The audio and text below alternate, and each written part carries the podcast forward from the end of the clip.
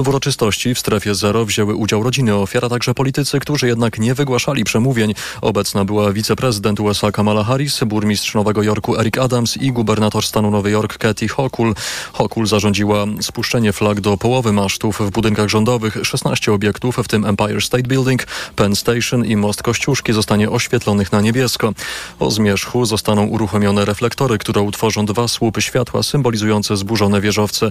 Zostaną zgaszone jutro o świcie. Słuchasz informacji TOK FM. Poznańska kolej metropolitalna kończy 5 lat. W ramach jubileuszu samorząd województwa zapowiedział uruchomienie dodatkowych połączeń. Od stycznia w rozkładach jazdy pojawi się 15 nowych, choć krótszych połączeń na sześciu linach. Niewykluczone, że w drugiej połowie przyszłego roku będzie ich jeszcze więcej w związku z dostawami nowych pociągów, mówi wicemarszałek Wojciech Jankowiak. To zwiększenie następuje powodów e, no, racjonalizacji wykorzystania taboru. Zauważyliśmy, że w pewnych okresach, w pewnych momentach te pociągi dojeżdżają do punktu docelowego i oczekują na kolejne połączenie. I powstało myślenie, czy w tym czasie nie można by obsłużyć kolejnego połączenia. Kolej metropolitalną współfinansuje 48 samorządów. Poznań dopłaca do niej 5 milionów złotych, a w kolejnych latach ta kwota będzie rosła. Tylko w ubiegłym roku z PKM-ki skorzystało ponad 23,5 miliona pasażerów. Teraz w TOK FM czas na sport. Informacje sportowe. Przemysław Pozowski, zapraszam. Posada Fernando Santosza wisi na włosku. Portugalczyk jutro najprawdopodobniej zostanie oficjalnie zwolniony z funkcji selekcjonera piłkarskiej reprezentacji Polski. Czarę goryczy przelała kompromitująca porażka z Albanią, którą nasza kadra bardzo skomplikowała sobie drogę na Euro 2024. Wśród trenerów, którzy mogliby zastąpić Santosza wymienia się Marka Papszuna i Macieja Skorże. Legenda francuskiej piłki nożnej Laurent Blanc nie jest już trenerem Olympique Lyon. Mistrz świata z 1998 roku w Lyonie przepracował niespełna rok, a stracił pracę, bo jego zespół fatalnie zaczął sezon. Po remisie i trzech porażkach jest na razie ostatni w tabeli. Z kolei jeden z najbardziej znanych francuskich piłkarzy, obecnie zawodnik Juventusu, Paul Pogba, zaliczył dopingową wpadkę. W jego organizmie wykryto podwyższony poziom testosteronu. Badanie przeprowadzono po ligowym meczu, w którym Turyńczycy wygrali z Udinese 3 do 0. Pogbie, choć w tym spotkaniu akurat nie grał, grożą 4 lata dyskwalifikacji. Znamy pierwszego półfinalistę siatkarskich Mistrzostw Europy, to Słowenia, która pokonała w Warnie Ukrainę 3 do 1. Jutro w Bari o półfinał zagra Polska z Serbią. Zrobił to po raz 24. Nowak Dżokowicz znów wyśrubował swój rekord wygranych turniejów wielkoszemowych. Serb pokonał w finale US Open Rosjanina Daniła Miedwiediewa i w nagrodę znowu został liderem światowego rankingu tenisistów. Z tronu zstąpiła dziś za to Iga Świątek. Michał Waszkiewicz. Nowak Dżokowicz jest już żywą legendą światowego tenisa. 24 wielkoszlemowe tytuły to wynik, który ciężko będzie kiedykolwiek poprawić. Inaczej, komuś innemu, bo Serb mimo 36 lat jest wciąż w wybitnej formie, co zresztą podkreślił po finale jego rywal Danił Miedwiediew. Nie wiem, czy zamierzasz kiedyś się zwolnić. Uważam, że mam całkiem niezłą karierę, a wygrałem w sumie 20 tytułów, a ty masz 24 samych wielkoszlemowych wow. Dżokowicz wygrał gładko w trzech setach i znów jest numerem jeden na świecie.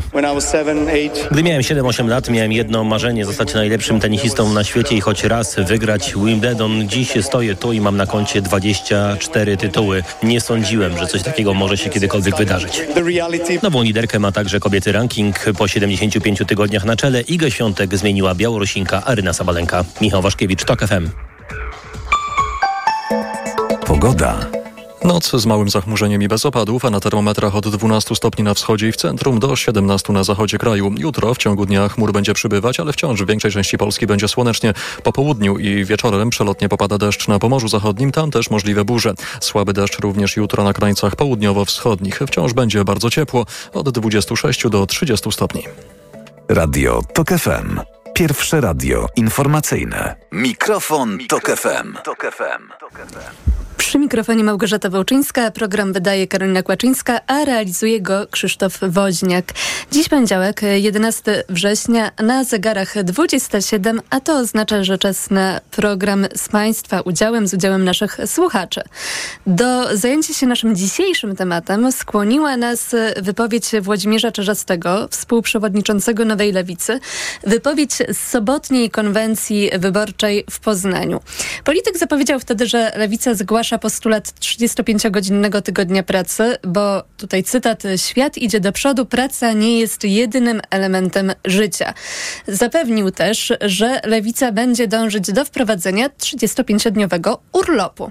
I powiedział tak, tutaj proszę, żeby Państwo bardziej nastawili uszy, bo to jest ten element, który właśnie będzie się pojawiał też w naszym dzisiejszym całym programie.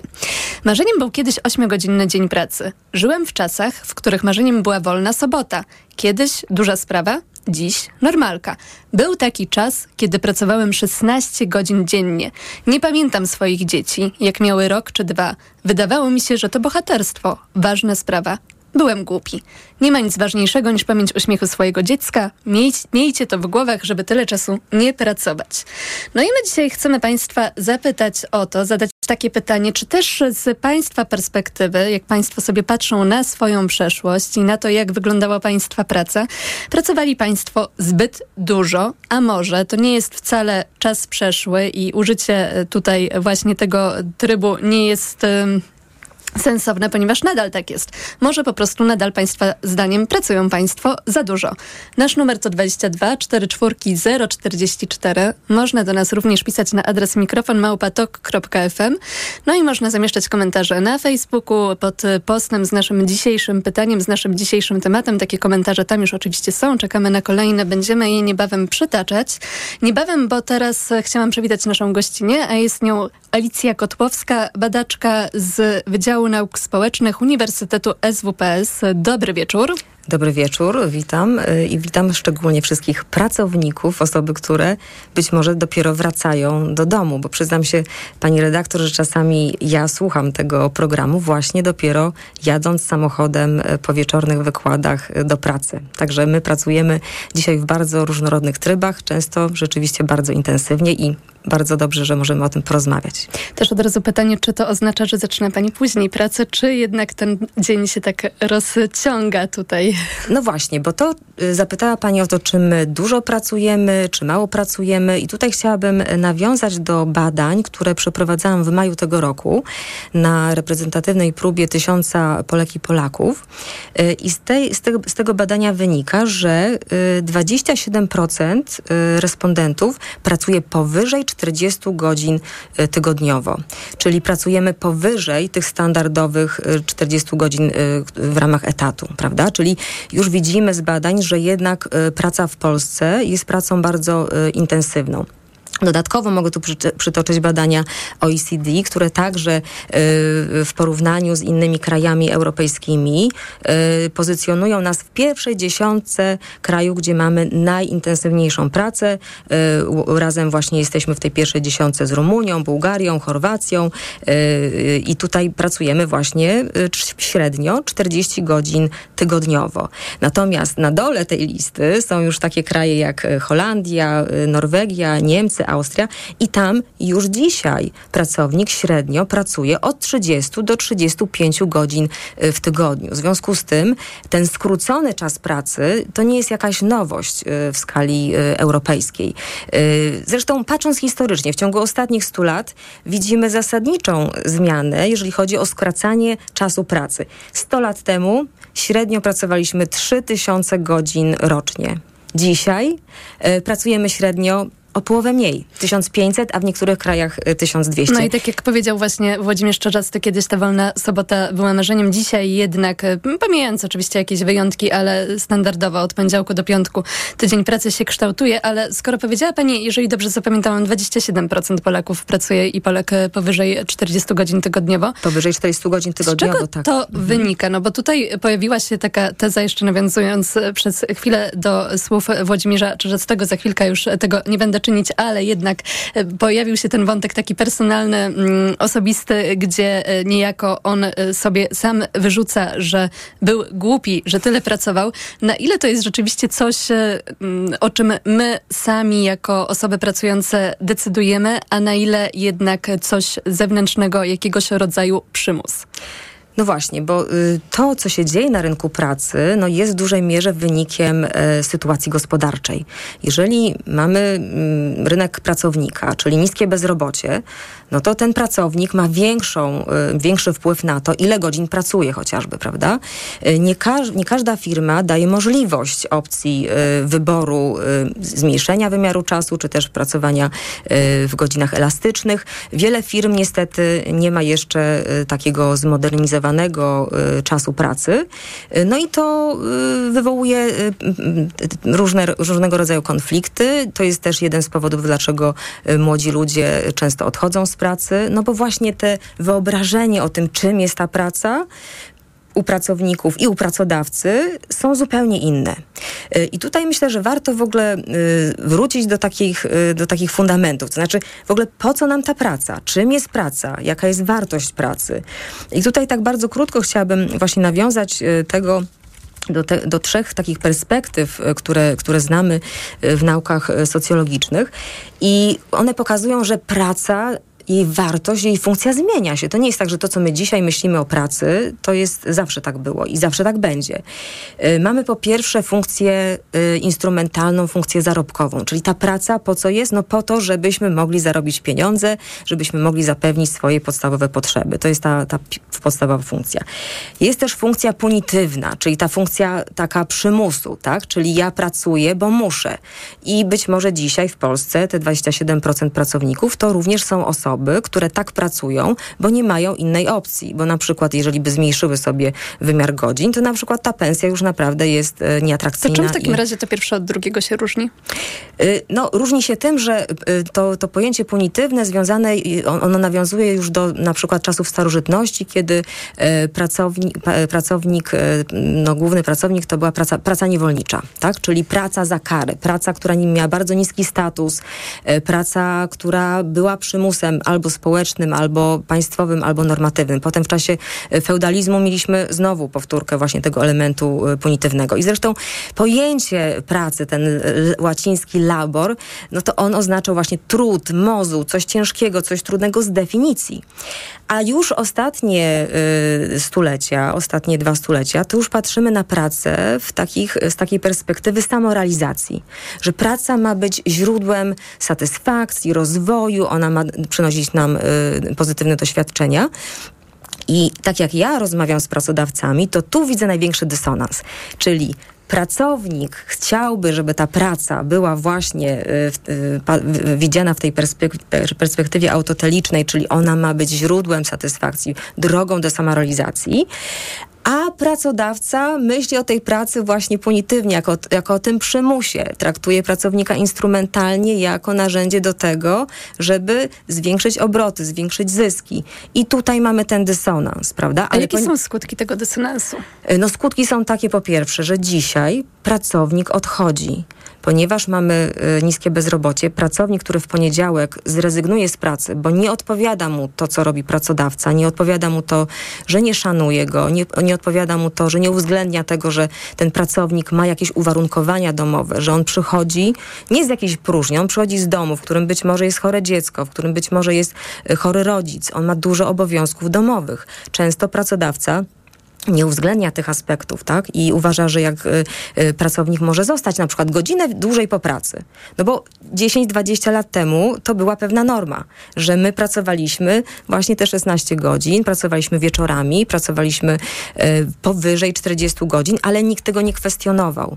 I dlatego teraz właśnie cały czas jesteśmy w tej czołówce krajów OECD, ale tymczasem zmienia się mentalność już nowych pokoleń, które wchodzą na rynek pracy i one chcą mieć lepszą y, relacje pomiędzy tym życiem zawodowym i życiem osobistym, a również z badań wiemy, że niestety wielkie wyzwanie y, jest dla rodziców. Rodziców, którzy muszą nie tylko pracować, ale właśnie oni łączą te obowiązki opiekuńcze. A umówmy się, że niestety nasze instytucje państwowe typu szkoły, przedszkola y, czy, czy urzędy, ich godziny pracy nie są dostosowane do godzin pracy y, firm. Czyli ja zamykam się przedszkole o godzinie 15, a ja muszę muszę pracować do 17 i to jest bardzo y, częsty problem. I na przykład kraje, które już to rozwiązały, czyli na przykład... O ile w ogóle było miejsce w przedszkolu, tak? O ile było miejsce w przedszkolu.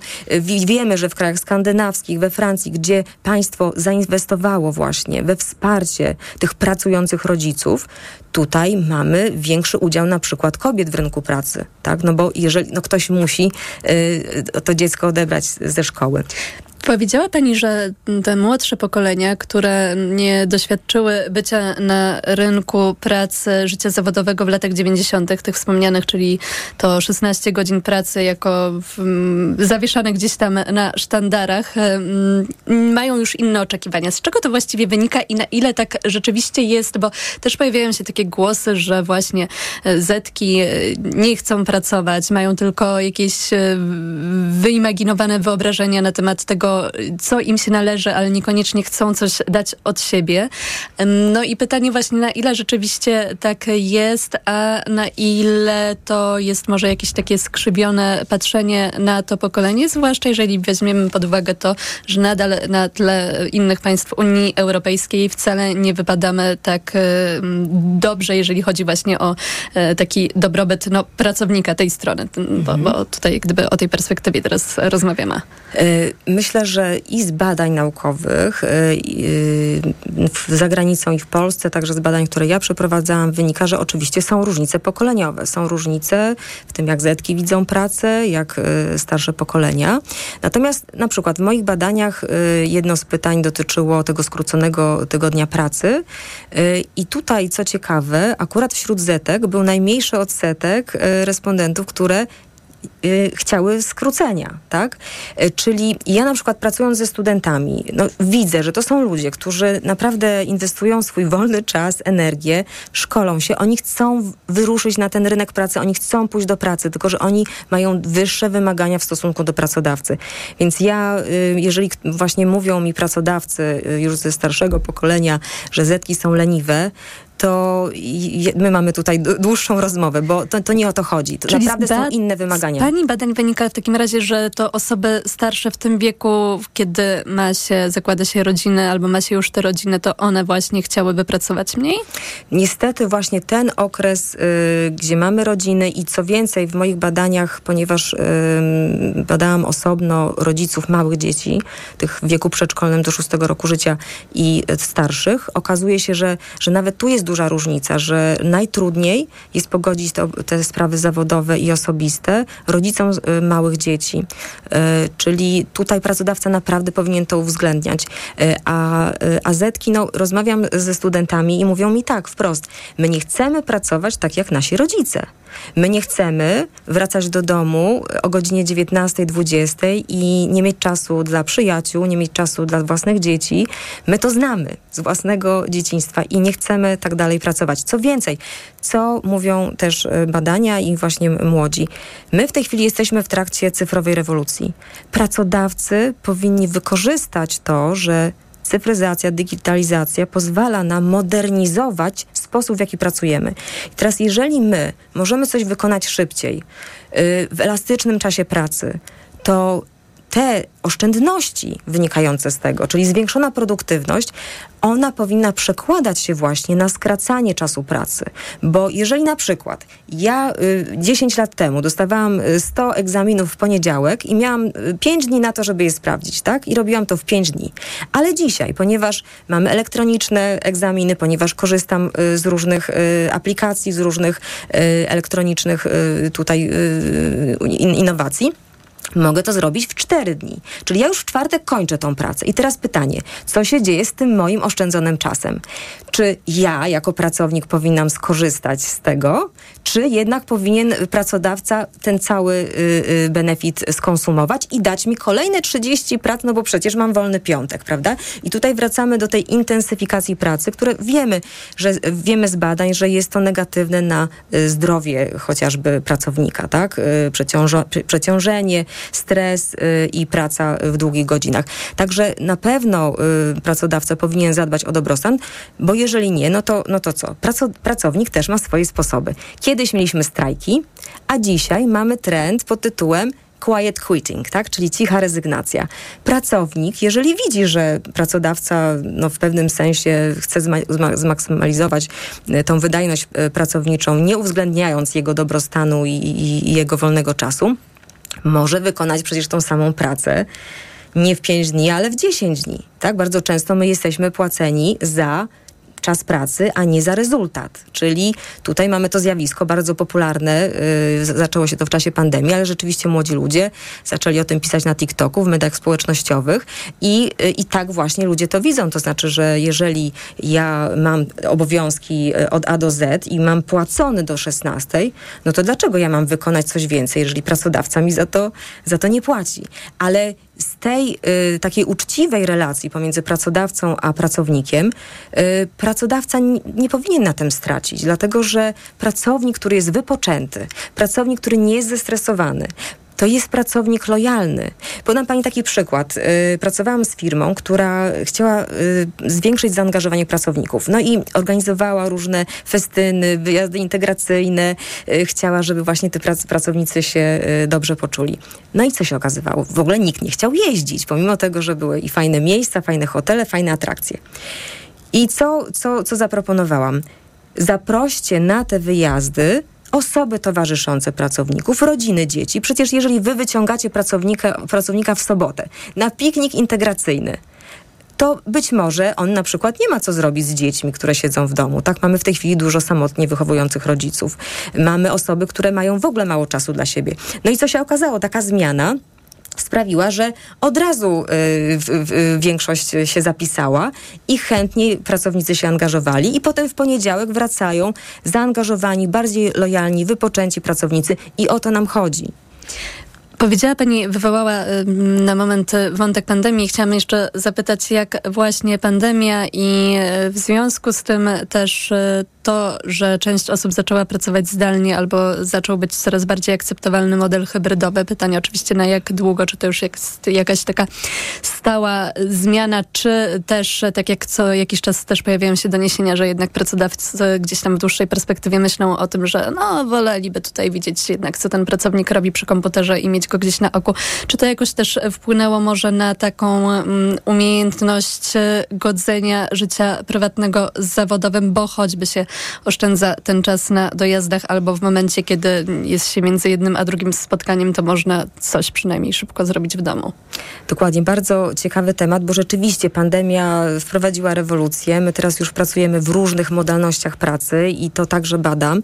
Y, I w tych badaniach również właśnie było porównanie tych trzech grup pracowniczych, czyli pracownicy stacjonarni, hybrydowi i zdalni. I jak ich, wygląda ich relacja praca-dom. I tutaj się okazało, że, nie, że to, to było ciekawe dla mnie, że właśnie ta praca stacjonarna, która przestaje już być tak atrakcyjna ze względu na innowacje no i, i te nowości i to, że chcemy być wolni, e, okazało się, że ona najrzadziej właśnie spotykała się z opinią respondentów jako, jako e, model pracy, który wzmacnia tą negatywną relację praca-dom. Natomiast praca zdalna, praca hybrydowa, e, tutaj pracownicy Y, gorzej radzili sobie z łączeniem obowiązków zawodowych i osobistych. I ja to interpretuję w ten sposób, że tak, my mamy nowe możliwości, my się zachłysnęliśmy tymi y, nowymi modelami, ale pytanie, czy nasze firmy, nasi menadżerowie, kierownicy, czy oni są przygotowani do tego, żeby zarządzać efektywnie takim trybem pracy. Y, często y, firma decyduje się na taki tryb, y, bo na przykład oszczędza przestrzeń biurową, ale się okazuje potem, że pracownicy są bardzo wyizolowani, nie ma tych więzi społecznych i, i też spada wydajność, lojalność, tak? Dodatkowo, jeżeli chodzi o hybrydowe, tutaj mamy dużo zalet, bo rzeczywiście można połączyć te obowiązki domowe, opiekuńcze, można wyjść wcześniej, odebrać dziecko z pracy, można załatwić swoje sprawy, można rozwijać swoje pasje. Nie tracimy czasu na dojazdy, tak jak pani powiedziała. Natomiast okazało się, że jednak jest tam cały czas całkiem spory poziom tych negatywnych efektów. Yy, I myślę, że wynika to trochę z tego, że my jako ludzie też mamy problem ze zmienianym trybu. Bo jeżeli my jesteśmy stacjonarni, czyli zawsze w tym biurze przychodzimy, mamy swoje, swoje środowisko, mamy swoją infrastrukturę, mamy wygodne y, fotele do pracy, prawda? Mówię tutaj o tej pracy y, umysłowej. No to z tej rutyny też wynikają pewne benefity, o których my już zapominamy. Jeżeli my dwa dni pracujemy w biurze, potem przeskakujemy, jesteśmy w domu. W domu znowu jest różnica, czy my mamy dedykowane biuro, super fotel, komputer i y, wygodnie, czy na przykład, tak jak w pandemii widzieliśmy, często na filmikach na YouTubie, pracujemy w kuchni, pracujemy y, w livingu, przeszkadzają nam dzieci, nie mamy takiego komfortu wysokiego. Y, także tutaj okazuje się, że jeszcze jesteśmy w trakcie ustanawiania jakiegoś standardu, natomiast wydaje mi się, że cały czas no, jesteśmy zachwyceni tą możliwością elastyczności, tą właśnie workation, czyli praca i, i podróże i, i autonomia, ale myślę, że musimy jeszcze się też jako pracownicy nauczyć, jak efektywnie zarządzać takimi dwoma, dwoma trybami. Powiedziała Pani też, że zwłaszcza rodzice dzieci do szóstego roku życia są tymi osobami, które chciałyby pracować mniej, bo chciałyby mieć krótszy tydzień pracy. Mm, w przypadku Zetek to, to wygląda trochę inaczej. To one by chętnie poświęciły ten czas na kształcenie i jakoś poprawianie swoich kwalifikacji. Ale jeszcze w kontekście tego 35-godzinnego tygodnia pracy jako takiej perspektywy, która gdzieś tam może się nam jawi na horyzoncie, jeżeli właśnie popatrzymy też na przykłady z innych państw. Chciałam zapytać, na ile to jest realne i o jakiej perspektywie czasu mówimy, bo z jednej strony pani oczywiście wspomina o rynku pracownika i mamy tutaj y, informacje na temat tego, jak wygląda bezrobocie, ale z drugiej strony mamy przecież cały czas dwucyfrową inflację. Mamy doniesienia o tym, że coraz więcej osób szuka dodatkowej pracy ze względu na to, że z tej pierwszej nie jest się w stanie utrzymać na takim poziomie, na jakim by chciało. Są kolejne doniesienia o zadłużaniu się Polek i Polaków, więc pytanie o to, na ile właśnie takie marzenia, takie pragnienia mają się e, tak do tej naszej polskiej rzeczywistości obecnie. No myślę, że na pewno każdy kryzys gospodarczy tutaj e, zahamuje jakąkolwiek e, reformę, czy modernizację, organizację czasu pracy, czy też miejsca pracy. No tak jak w każdym kryzysie jest, mamy kry, kryzys nie tylko, mówimy tutaj o, o inflacji, ale także mamy geopolityczną sytuację niezbyt komfortową i pracodawcy rzeczywiście o tym teraz myślą. I to też jest zrozumiałe, że to nie jest ten być może moment najlepszy, żeby nagle teraz powiedzieć pracownikowi, dobrze, możesz pracować krócej. Natomiast y, ja się bardzo cieszę, że właśnie y, pani y, mówi o tym skróconym tygodniu pracy, a nie na przykład o tym czterodniowym tygodniu pracy, bo bardzo często w mediach pojawia się to hasło wolny piątek, y, pracujemy krócej. Tymczasem y, z wielu badań pilotażowych, które już od y, kilkunastu lat prowadzone są w Wielkiej Brytanii, we Francji, w Belgii, w Australii, w Stanach Zjednoczonych, my wiemy, że tych modeli modernizowania czasu pracy, który prowadzi do skracania, ale to nie jest takie skracanie tylko dobrze, obcinamy te godziny. Tu chodzi o modernizację tego, jak my pracujemy. I tutaj na przykład te, te tryby y, hybrydowy, zdalny to jest jeden z, z, jedna z metod, prawda? Ale, ale w ogóle organizację czasu pracy, tych modalności jest kilkanaście, tak? Bo my możemy pracować w, w zmiennych y, układach, możemy pracować od poniedziałku do czwartku na przykład część y, zakładu, a od wtorku do piątku inna część zakładu i wtedy mamy na przykład przez cały tydzień za, zapełnione y, zatrudnienie na, na hali produkcyjnej na przykład. Także ważne jest to, żeby mówić o modernizacji czasu pracy, która zwiększy wydajność, efektywność, która nie traci czasu pracownika, bo co nam mówi pracownik? Pracownik mówi, nie chce mieć bezsensownej pracy, bo jak często mamy taką sytuację, że ten pracownik siedzi 8 godzin, ale on nie pracuje i tak 8 godzin. I to jest właśnie ten sygnał z rynku i od, od y, młodych pokoleń, bo oni przychodzą, oni mówią, dobrze, ja już 4 godziny zrobiłem to, co miałam, mam do zrobienia. Tutaj coś jest źle zorganizowane tak? Ja mogę pracować więcej, tylko że ja chcę robić coś, co ma sens. Ile jest takich sytuacji, że pracownik siedzi nad raportem przez cały tydzień, Potem składa ten raport i się okazuje, że y, dyrektor jednak stwierdził, a nie, właściwie jednak nie będziemy potrzebować tego raportu, tak? I wtedy jakby ta cała praca jest, jest stracona. Także tu chodzi o y, likwidację bezsensownej pracy, o likwidację niepotrzebnego czasu dojazdu, właśnie przez wprowadzanie elastycznego czasu pracy i miejsca pracy, o różne modernizacje. Także ja się nie, przy, nie przyczepiam do tego, że powinniśmy tylko myśleć o takim mechanistycznym skróceniu, dobrze, 35, a może 36, a może 34. Nie, chodzi o to, żeby nakłaniać firmy, żeby eksperymentowały. I na przykład badania pilotażowe z Wielkiej Brytanii, a tam naprawdę oni już od 20 lat y, to y, testują, pokazują, że tu nie chodzi o to, jak długo pracujemy, chodzi o to, jak efektywnie pracujemy. Jeżeli pracodawca sprawi, że ja mam takie miejsce pracy, że ja tą samą pracę mogę wykonać w 4 godziny, a nie w 6, to znaczy, że możemy skrócić ten czas pracy. A jak patrzymy na produktywność, to właśnie te kraje, tak jak powiedziałam na początku, w krajach OECD, te, które dzisiaj pracują mniej godzin w wymiarze tygodniowym, to są kraje, które charakteryzują się wysoką wydajnością o, te firmy są wydajne. W Polsce, i to właśnie mówią pracodawcy, ja się w pełni z tym zgadzam, my często nie jesteśmy wydajni bo my właśnie y, w sensie i zarządzania pracownikiem, i wykorzystania zasobów, my nie robimy tego tak efektywnie i w związku z tym nie możemy aż tak bardzo oszczędzić na tym, na tym czasie. A ponieważ spędzamy w pracy taką dużą część naszego życia, no to uważam, że naprawdę powinniśmy zadbać o to, żeby, żeby każda godzina w pracy była dobrze wykorzystana. To już ostatnia rzecz, tylko na koniec w takim razie, czy skoro nie jesteśmy wydajni, tak jak pani powiedziała, to takie zachęcenie, chociaż może nie jest to najbardziej odpowiednie słowo, z góry, w postaci właśnie jakiegoś e, wprowadzenia ograniczenia czasu pracy do tych 35 godzin e, mogłoby sprawić, że ta wydajność by się poprawiła, bo ktoś by w końcu jakoś zmobilizował struktury za to odpowiedzialne? E, to jest bardzo yy, niebezpieczna sytuacja, muszę powiedzieć, z tego względu, że analizując różne sektory gospodarcze widać, że są zupełnie inne y, wymagania, na przykład w sektorze hotelarskim, w sektorze restauracyjnym, niż na przykład w sektorze produkcyjnym. Jeżeli ktoś ma y, restaurację, ma inny tryb pracy, potrzebuje mieć to miejsce otwarte przez cały tydzień. Tak? Jeżeli ktoś y, pracuje, ma pracę umysłową, pracuje w sektorze IT, na przykład to jest y, praca, która w całości może być wykonywana zdalnie. W związku z tym, nie uważam, że jest dobrym rozwiązaniem y, przykładanie takiej jednej miarki dla wszystkich, bo będzie to ze szkodą dla, y, i dla pracodawców, i też dla pracowników. Już na przykład badania dotyczące modalności pracy, czyli praca hybrydowa, praca zdalna, pokazują, że nawet sami pracownicy mają bardzo różne preferencje. Tutaj nie ma zgody. Są ludzie, którzy tylko chcą pracować zdalnie, a są ludzie, którzy absolutnie nie. W ogóle oni muszą przyjść do biura, spotkać się z ludźmi, być face to face, inaczej inaczej, nie.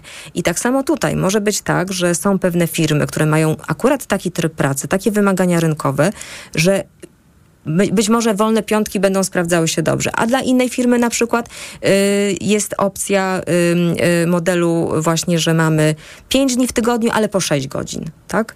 I te badania pilotażowe właśnie uczmy się już y, y, od firm, które to wprowadzały, a tam nie ma takiego jednego y, sztywnego rozwiązania.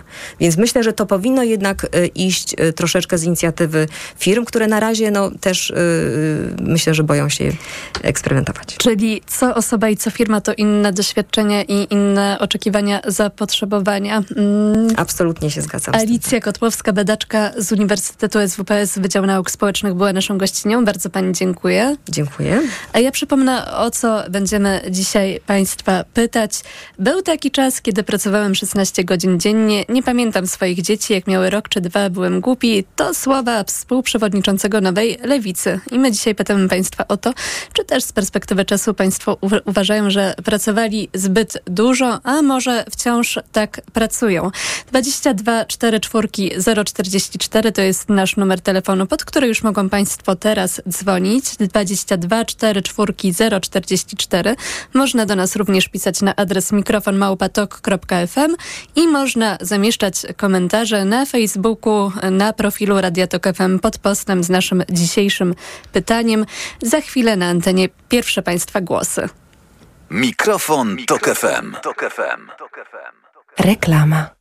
Dzięki, zupełnie zapomniałam o drugim śniadaniu. Od razu wiadomo, gdzie pracuje doktor Atomicka. Energię jądrową wykorzystujemy w radioterapii w procesie leczenia od dawna. A ludzie się boją tego atomu. Muszę się zająć pacjentką z nadczynnością tarczycy. Tu też wykorzystasz atom? Promieniotwórczy J-131, produkowany w specjalnych reaktorach badawczych. Dokończę ci w domu. Leć już, córciu. Dowiedz się więcej o bezpiecznej, nowoczesnej energii jądrowej dla polskich rodzin na poznajatomickich.pl. Kampania Ministerstwa Klimatu i Środowiska.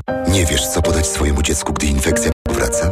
Podaj mu lek przeciwwirusowy Neozine Forte. Skoncentrowana dawka syropu Neozine Forte to mniej leku do podania i więcej wsparcia w walce z wirusami. Neozine Forte przeciwko wirusom, przeciwko infekcji. To jest lek. Dla bezpieczeństwa stosuj go zgodnie z ulotką dołączoną do opakowania. Nie przekraczaj maksymalnej dawki leku. W przypadku wątpliwości skonsultuj się z lekarzem lub farmaceutą. 500 mg na 5 ml inocyny. Wspomagająco u osób o obniżonej odporności w przypadku nawracających infekcji górnych dróg oddechowych. Aflofarm. Reklama. Mikrofon, Tok FM. Tok FM. Był taki czas, kiedy pracowałem 16 godzin dziennie. Nie pamiętam swoich dzieci, jak miały rok czy dwa. Byłem głupi. To słowa współprzewodniczącego Nowej Lewicy. Nowa Lewica w miniony weekend zapowiedziała propozycje dotyczące skrócenia tygodnia pracy. Miałoby być 35 godzin, no i również wydłużenia urlopu również do 35 dni. To te propozycje, które miałyby sprawić, że Polcy i po, po Polacy i Polki pracowaliby krócej. Jesteśmy tym e, państwem w Unii Europejskiej, jednym z tych państw, które, w których pracuje się po prostu najdłużej. I my dzisiaj e, chcemy Państwa zapytać o to, czy z Państwa perspektywy, czy Państwo też uważają, że pracowali zbyt dużo, a może e, nic się nie zmieniło i wciąż tak jest. Wciąż ten czas poświęcony na pracę z różnych powodów. To pytanie oczywiście o te powody jest, jest po prostu długi. 22 44 044 pod ten numer można do nas dzwonić, można również pisać na adres mikrofonmałpatok.fm i można zamieszczać komentarze na Facebooku. Tak uczyniła pani Anna, która napisała w ten sposób. Na studiach pracowałam dorywczo aż do ukończenia doktoratu. Wychodziłam z domu o 6 rano, a wracałam o 23 i tak przez parę lat. Rano studia, a od około 14 godziny praca. W soboty także pracowałam do 14. Miałam pieniądze, ale nie miałam jak ich wydać. Żywiłam się fast foodami, bo tak było najszybciej. Odetchnęłam po ukończeniu doktoratu. Od 8 lat mam pracę hybrydową. Staram się nie pracować ponad 8 godzin, a jeśli jestem zmuszona do kolejnego dnia, mm, to kolejnego dnia pracuję krócej. Bardzo doceniam i szanuję czas wolny. Wciąż pamiętam, jak to jest, e, jak się widzi tylko biurko, a w domu jest się gościem. O wypalenie nie trudno wtedy. Cieszę się, że jestem w zespole, firmie, której management kładzie duży nacisk na work-life balance. No i zarabiam wystarczająco, aby nie brać dwóch etatów. 22 44 044 to jest ten numer, pod który Państwo dzwonią, żeby podzielić się swoimi doświadczeniami i opiniami. I jako pierwsza dzwoniła się pani Agnieszka z Krakowa. Dobry wieczór. Dobry wieczór i Państwu. Ja chciałam się podzielić taką myślą, słuchając akurat tego, co Pani przed chwilą mówiła. Wydaje mi się, że owszem, niektórzy ludzie mogą pracować, tak jak jest do tej pory, 8 godzin, 40 godzin w tygodniu, ale zwłaszcza wydaje mi się pracownicy pracujący ciężko fizycznie jednak pracują kosztem zdrowia. A ma Pani jakieś doświadczenia ze swojego otoczenia albo z własnego życia w tym e, zakresie? Znaczy, no, tak jak obserwuję, ponieważ mam już ponad 50 lat, obserwuję swoje otoczenie i rodzinę też. Wydaje mi się, że jednak ludzie, którzy pracują fizycznie, częściej chorują, aczkolwiek nie jest to reguła, ale są między innymi choroby zawodowe, prawda? Wydaje mi się, że to jednak duże ma znaczenie, jaką pracę się wykonuje. A jak to wyglądało w Pani przypadku? No w moim przypadku jest to niestety ciągle praca fizyczna i zmieniam, ilekroć lekarz twierdzi, że coś tam zdrowie szwankuje, zmieniam na inną. Chociaż wcześniej miałam pracę siedzącą, ze względu na, na kręgosłup, no musiałam zmienić na pracę stojącą. I tak w sumie cały czas coś jednak e, ze względu na stan zdrowia zmieniam tą pracę. I pracuje pani fizycznie po 8 godzin?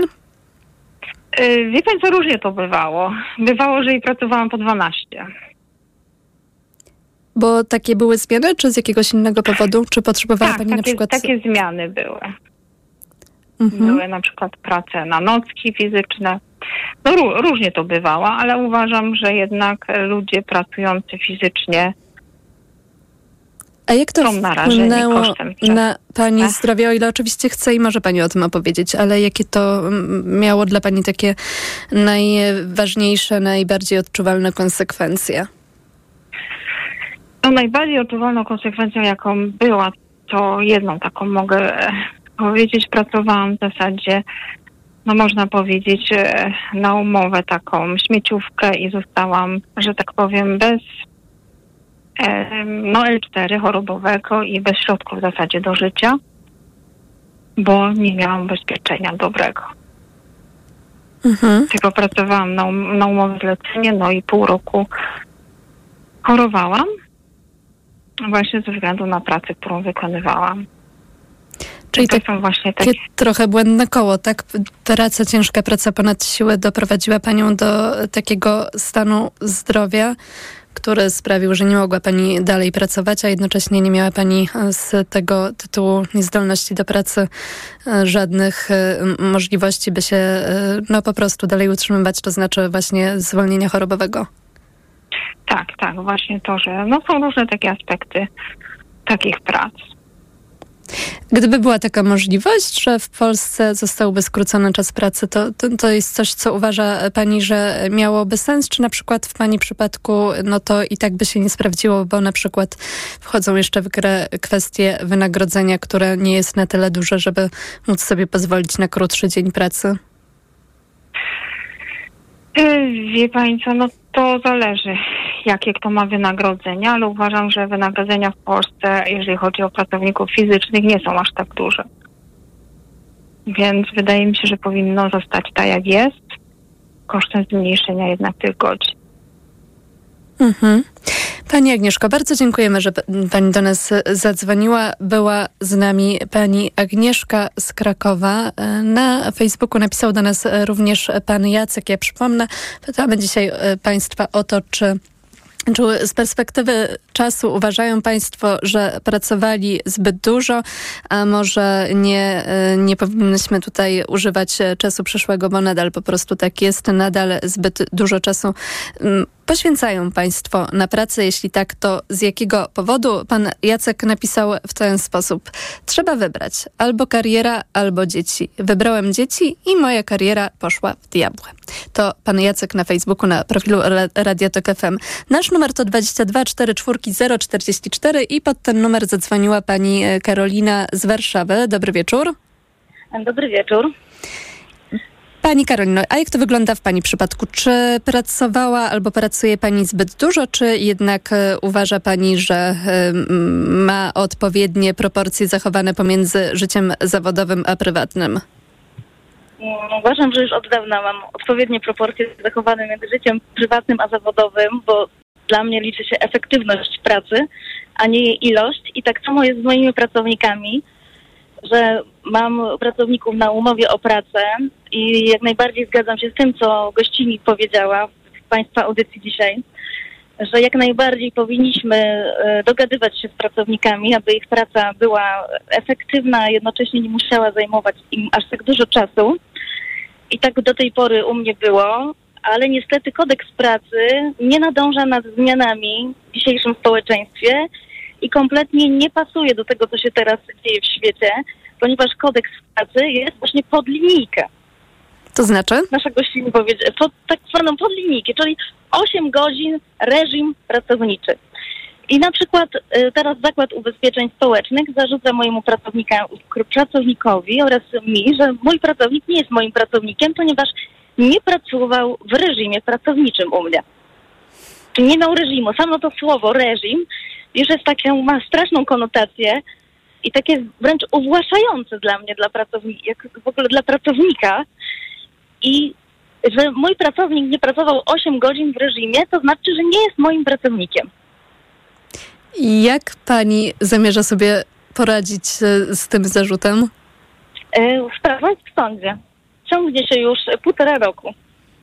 A proszę powiedzieć, jak e, pani doszła do takiego modelu pracy, w którym właśnie stawia pani na efektywność i e, sprawia, że nie muszą ani pracownicy, ani jeśli dobrze zrozumiałam pani, poświęcać e, tych ośmiu godzin pracy codziennie na e, pracę. Wychodzi to chyba z moich wartości, jakie wyznaję. Po prostu mm, dla mnie też efekt pracy jest najważniejsza. Efekt. Po prostu jakieś zadanie do zrobienia. Nie muszą, czasami to zadanie nie musi być wykonywane w 8 godzin. Jeżeli pracownik może to zrobić zadanie w 2 godziny, w 3 godziny, to nie widzę problemu, żeby y, kolejne godziny już nie poświęcał na tą pracę, prawda? A nie miała pani takiej myśli, że jeżeli wykonuje jakieś zadanie w trzy godziny, to może w takim razie to oznacza, że po prostu tej pracy ma za mało i warto coś by było dorzucić? Nie, bo czasami jest taka, y, taki dzień, że na przykład jest 9 godzin w tej pracy, tak? Może, może nie wiem, 8 godzin. Tydzień wychodzi w, czasami mniej, czasami więcej, zazwyczaj mniej, ale mi się wydaje, że czas pracy nie jest tutaj najważniejszy. Mhm. A jak to się Tylko prze- jakość, jakość tej pracy. Jak to się przekłada Pani zdaniem potem na Pani em, relacje z pracownikami i pracowniczkami i też na, na to, jak oni te prace wykonują? Właśnie nasze relacje są bardzo dobre, ale tutaj, jeżeli chodzi właśnie o inne aspekty, nasza machina państwowa, to, to nie sprzyja, to zupełnie nie sprzyja takiemu rozwiązywaniu tutaj tych spraw pracowniczych. Mhm. Bo moi pracownicy, im to bardzo pasuje, mi to bardzo pasuje. Wiem, zdaję sobie też sprawę, że nie, każdy, nie każda firma może sobie na to pozwolić, bo są e, takie prace, takie firmy, kiedy e, ten jakieś ramy czasowe tej pracy muszą być, tak? Bo są, przychodzą klienci, trzeba ich obsługiwać, jakiś czas pracy musi być, jakieś punkty usługowe są czynne, tak? Odtąd dotąd i ta zmianowość jakaś musi być, ale są, jest taka praca, takie firmy, kiedy ta efektywność jest dużo ważniejsza niż ten czas pracy. A w przypadku Pani firmy było tak od początku, czy może jednak e, w tym e, okresie, kiedy mm, trzeba było firmę rozkręcić, biznes dopiero się rozwijał, jednak poświęcała Pani e, więcej czasu niż, no, niż poświęca się standardowo, jak to choćby jest określone w kodeksie pracy, jeżeli chodzi o pracowników? Jeżeli chodzi o pracowników, taka specyfika jest mojej firmy, że raczej było to z tendencją raczej od początku, że był ten taki czas pracy elastyczny. Mhm. Czyli Pani się udało jednym słowem. Y, Z pracownikami tak, z ZUS-em nie. No tak, rozumiem, że tutaj cały czas sprawa jeszcze w sądzie, więc, więc nie wiadomo, jak to się zakończy. Pani Karolino, bardzo dziękujemy, że Pani do nas zadzwoniła. Była z nami Pani Karolina z Warszawy. Czy Ty też z perspektywy czasu uważasz, Ty też, bo y, nawiązujemy tutaj do słów y, współprzewodniczącego Nowej Lewicy, czy Ty też z perspektywy czasu uważasz, że pracowałeś, pracowałaś zbyt dużo, a może wciąż tak pracujesz? To pytanie, które zadajemy dzisiaj Państwu w mikrofonie Radia Tok FM. Nasz numer to 22 44 044 i pod ten numer zadzwonił Pan Darek z Bydgoszczy. Dobry wieczór. Dobry wieczór. Panie Darku, i jak jest w Pana przypadku? Fajnie się słucha takich wywodów dotyczących czy skracania czasu pracy, czy jakichś uelastycznień. Natomiast życie pisze scenariusze trochę inne. Mówię tu jako były pracownik i to pracownik korporacji, który w różnych sytuacjach musiał poświęcać więcej niż standard na swoją pracę, a aktualnie od prawie 12 lat jako pracodawca. Nie wyobrażam sobie sytuacji takiej, padały takie stwierdzenia w wywiadzie, który pani była uprzejma prowadzić, że dzisiejsze pokolenia nie chcą pracować dłużej, uważają, że ponoszą jakieś koszty, a jednocześnie chcą jeździć nowymi autami, wyjeżdżać na wakacje, mieć najnowszy model telefonu. Tak, to chyba do końca nie, nie brzmiało. Ja sobie przynajmniej nie przypominam takiego, e, takiego sformułowania. To bardziej mi mm, pasuje do mm, wypowiedzi z jakichś kampanii, ewentualnie politycznych niektórych partii co do oczekiwań i e, tego, co jest obiecywane, że będzie. Ale proszę powiedzieć o swoich doświadczeniach, bo powiedział pan, że był pan tak. zmuszony do tego, żeby pracować długo. Dlaczego? Wie Pani, co wynikało to ze specyfiki tego, co robiłem jako człowiek, który przyszedł po studiach do korporacji. Nie potrafiłem się odnaleźć w tych meandrach różnego typu. Pracowałem przez wiele lat, tnąc się po szczeblach kariery, mogę to tak powiedzieć, e, w firmach handlowych, w międzynarodowych koncernach. No, żeby tam móc się odnaleźć, naprawdę musiałem poświęcić dużo swojego także prywatnego czasu, ale z dzisiejszej perspektywy nie uważam tego jako czas stracony. Oczywiście miałem mniej czasu na przyjemności, wyjazdy, przyjaciół, znajomych, wszystko kosztem czegoś. I to był mój naprawdę świadomy wybór. Dzisiaj, patrząc na to z perspektywy, mogę powiedzieć, ten czas nauczył mnie bardzo wiele. Mogę też również dodać, słuchając mojej przedmówczyni, świetnie. Nie wiem w jakiej branży pracuje, że udało jej się tak ułożyć swój podmiot, który stworzyła, że może ludziom dawać pewną swobodę. Mógłbym naprawdę długo dyskutować, że jest to niezwykle trudne, pewne poluzowanie założeń, zasad. Wie pani, jest 21, a ja wracam z jednej ze swoich chwili, będę z jakąś godzinę, może półtorej w domu. Nie mam do niego pretensji. To mój wybór jako właściciela. Mógłbym powiedzieć, może to dla mnie zrobić kierownik, pracownik, ktokolwiek inny. Tylko to ja jestem właścicielem tej firmy. Zatrudniam około 30 osób. Oczywiście bywają różne problemy, natomiast uważam, że takie bardzo mocne poluzowywanie tych wszystkich założeń raczej do niczego dobrego nie doprowadzi. Zwróćmy uwagę, że starając się konkurować, czy na rynku międzynarodowym, ciężko nam będzie dzisiaj, nie mając, nie wiem, technologicznych jakich uwaru- jakichś uwarunkowań, wynalazków, patentów, konkurować tak naprawdę na światowym rynku. Takie jest moje zdanie. Po ile godzin dziennie pan pracuje? Wie pani co? E, tak jak sobie szybko myślę, w sobotę pracowałem, wczoraj miałem e, niedzielę dla rodziny, dla bliskich, dla znajomych. Ten tydzień mam bardzo trudny, bo mam wiele takich zobowiązań, które muszę, e, które muszę wypełnić. To powiem pani tak, dzisiaj będę w domu około 22.30. E, jutro myślę, że około 18 i potem wyjeżdżam na trzy dni. W sobotę mam dla rodziny, w niedzielę po południu wyjeżdżam. Tak wygląda służbowo. Tak, tak będzie wyglądał mój tydzień.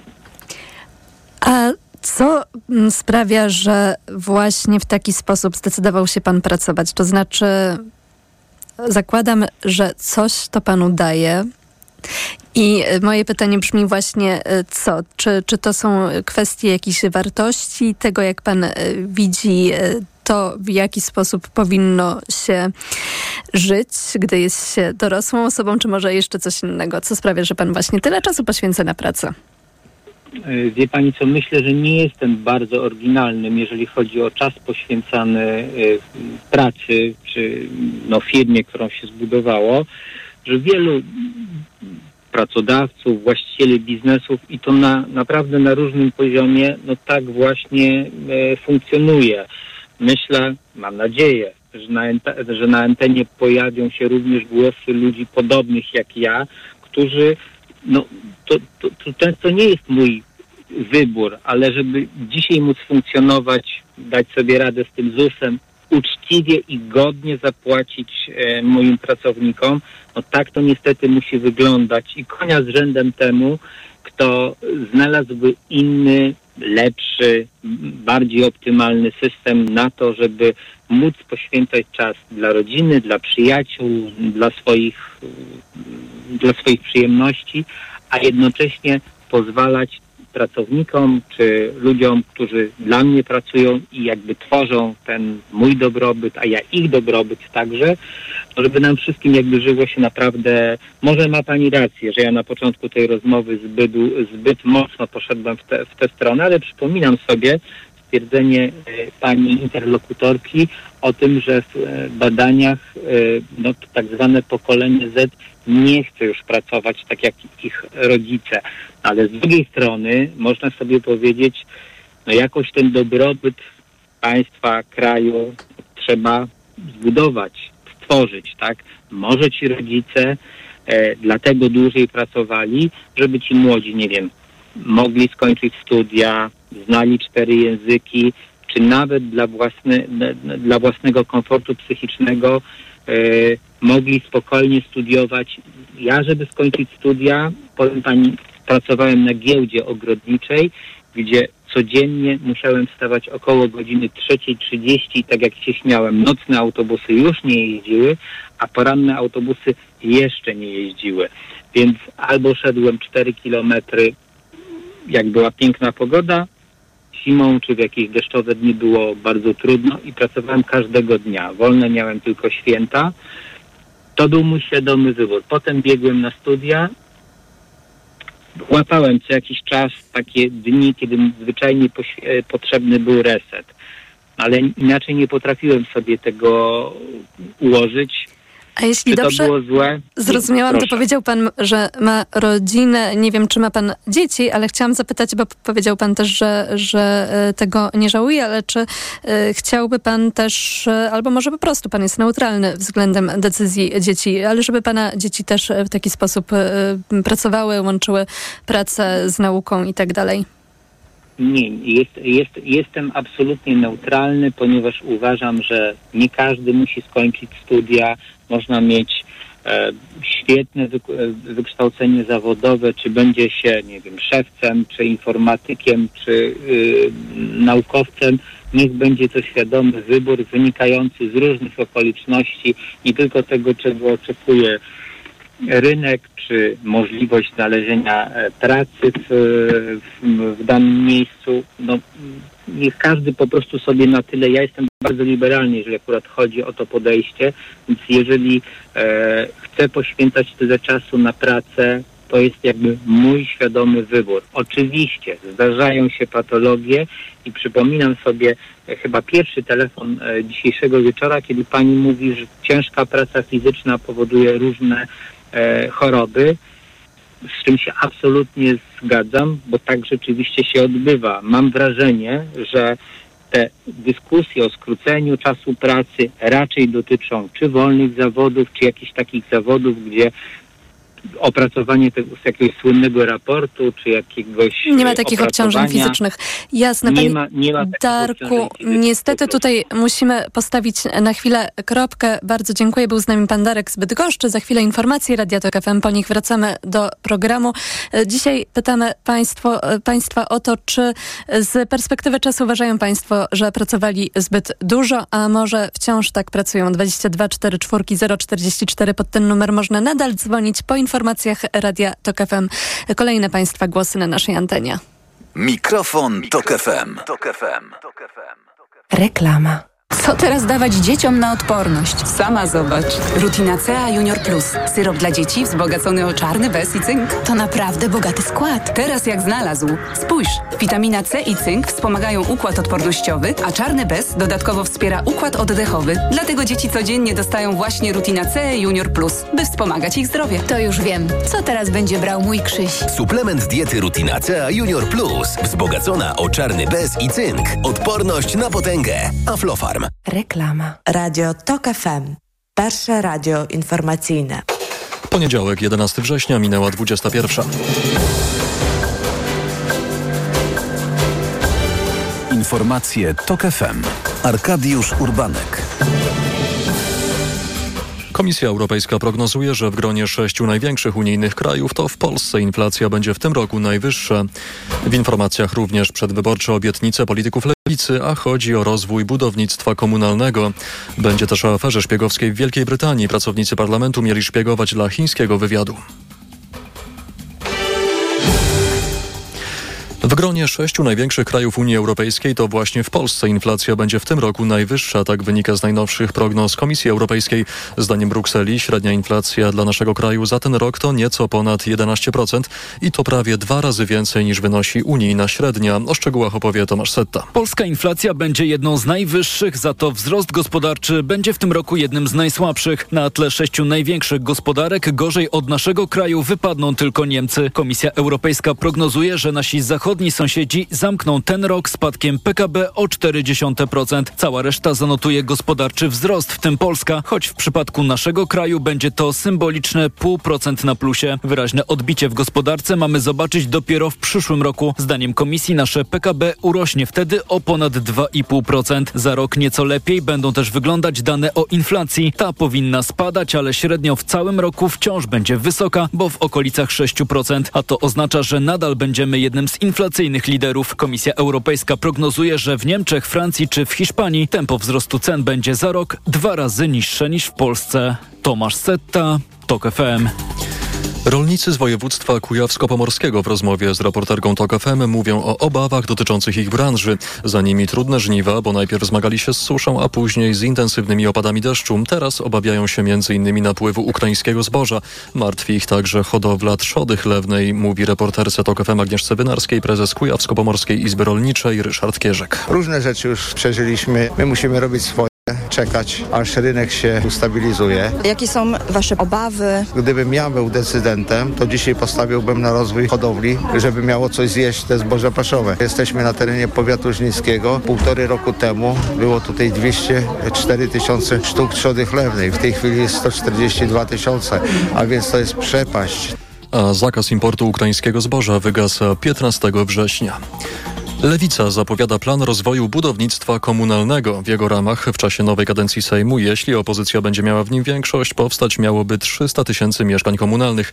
Bezpieczne, dostępne i godne mieszkanie to powinien być priorytet polityki nowego rządu, mówi liderka partii Razem we Wrocławiu i kandydatka na posłankę Marta Stożek. Proponujemy program rozwoju budownictwa mieszkaniowego, komunalnego, dobrych, bezpiecznych energetycznie, dobrze zaprojektowanych e, mieszkań, osiedli w ramach budownictwa komunalnego, bo nasze polskie rodziny po prostu potrzebują poczucia bezpieczeństwa.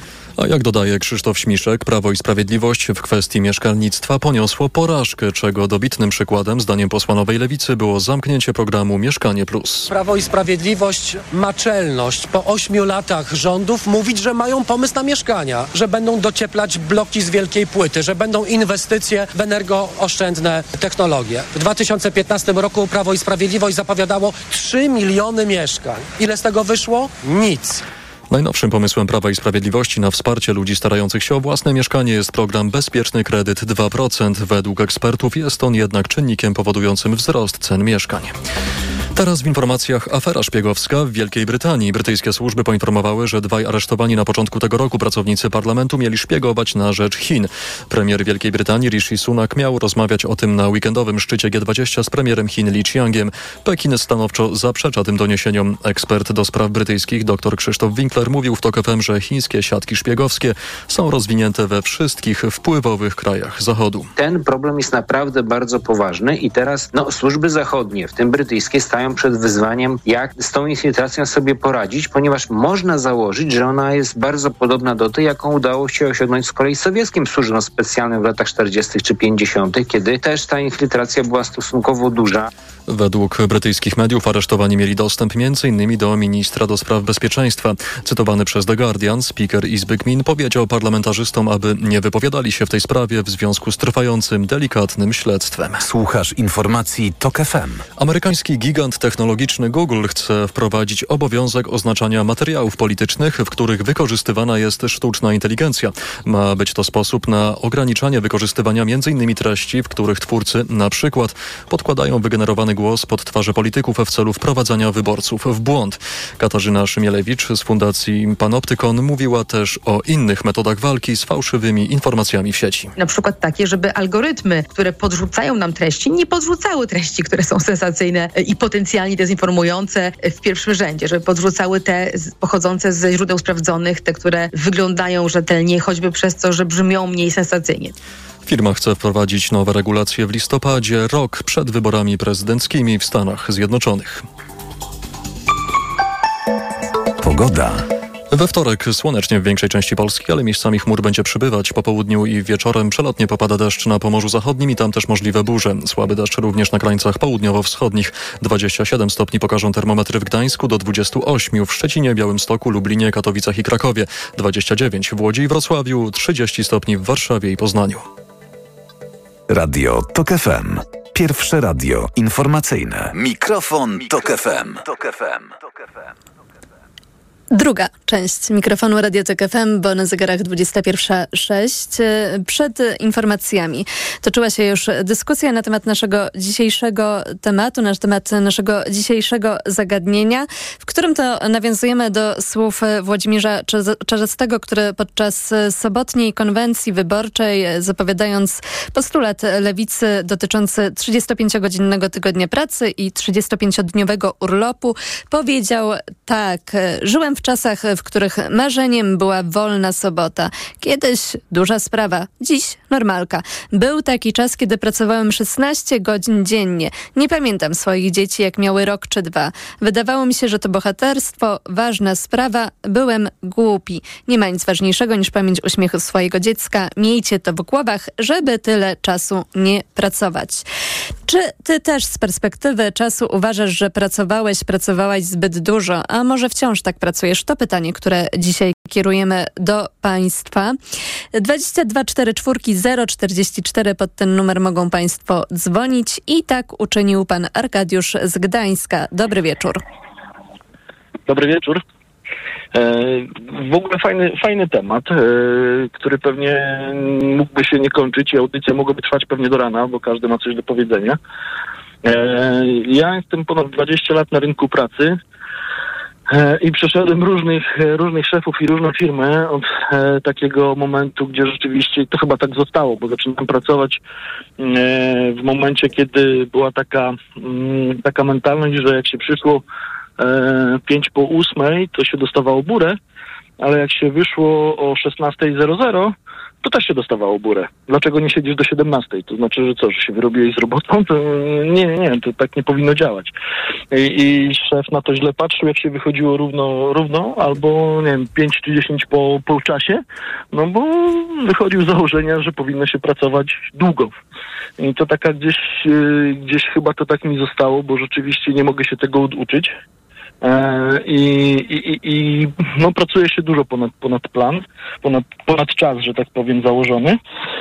E, a tu to, co mówili wcześniej ludzie i to, co było w audycji, w poprzedzającej audycji, rzeczywiście jest bardzo ważna wydajność moim zdaniem, a nie to, ile pracujemy. I jeżeli będziemy wydajni, no to, to, to możemy jej pracować, nie wiem, 4 godziny dziennie, ale jeżeli zrobimy robotę, to, to, to przecież jest wszystko ok.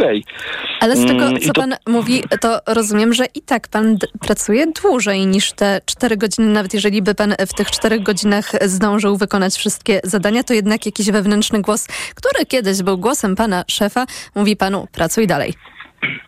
Wie pani, jak to jest? To jest taki nawyk, nie? Że tak zostało i taki jest głos z tyłu wyrzutu, że kurczę, zrobiłeś to za szybko, nie? I to znaczy, że możesz jeszcze coś zrobić w tym czasie, albo, albo go przedłużyć, nie wiem, coś nadgonić, coś zrobić. E, no to tak nie powinno chyba moim zdaniem wyglądać. A nadal I, pracuje pan dla kogoś, czy teraz jest pan sobie sam szefem? Nie, dla kogoś. I, I, parę razy też jak zmieniałem pracę, to, to, to słyszałem od szefów różnych, że dla mnie to wiesz co, to możesz pracować tam i 5 godzin dziennie albo i 2 godziny dziennie, ważne, żebyś robił robotę.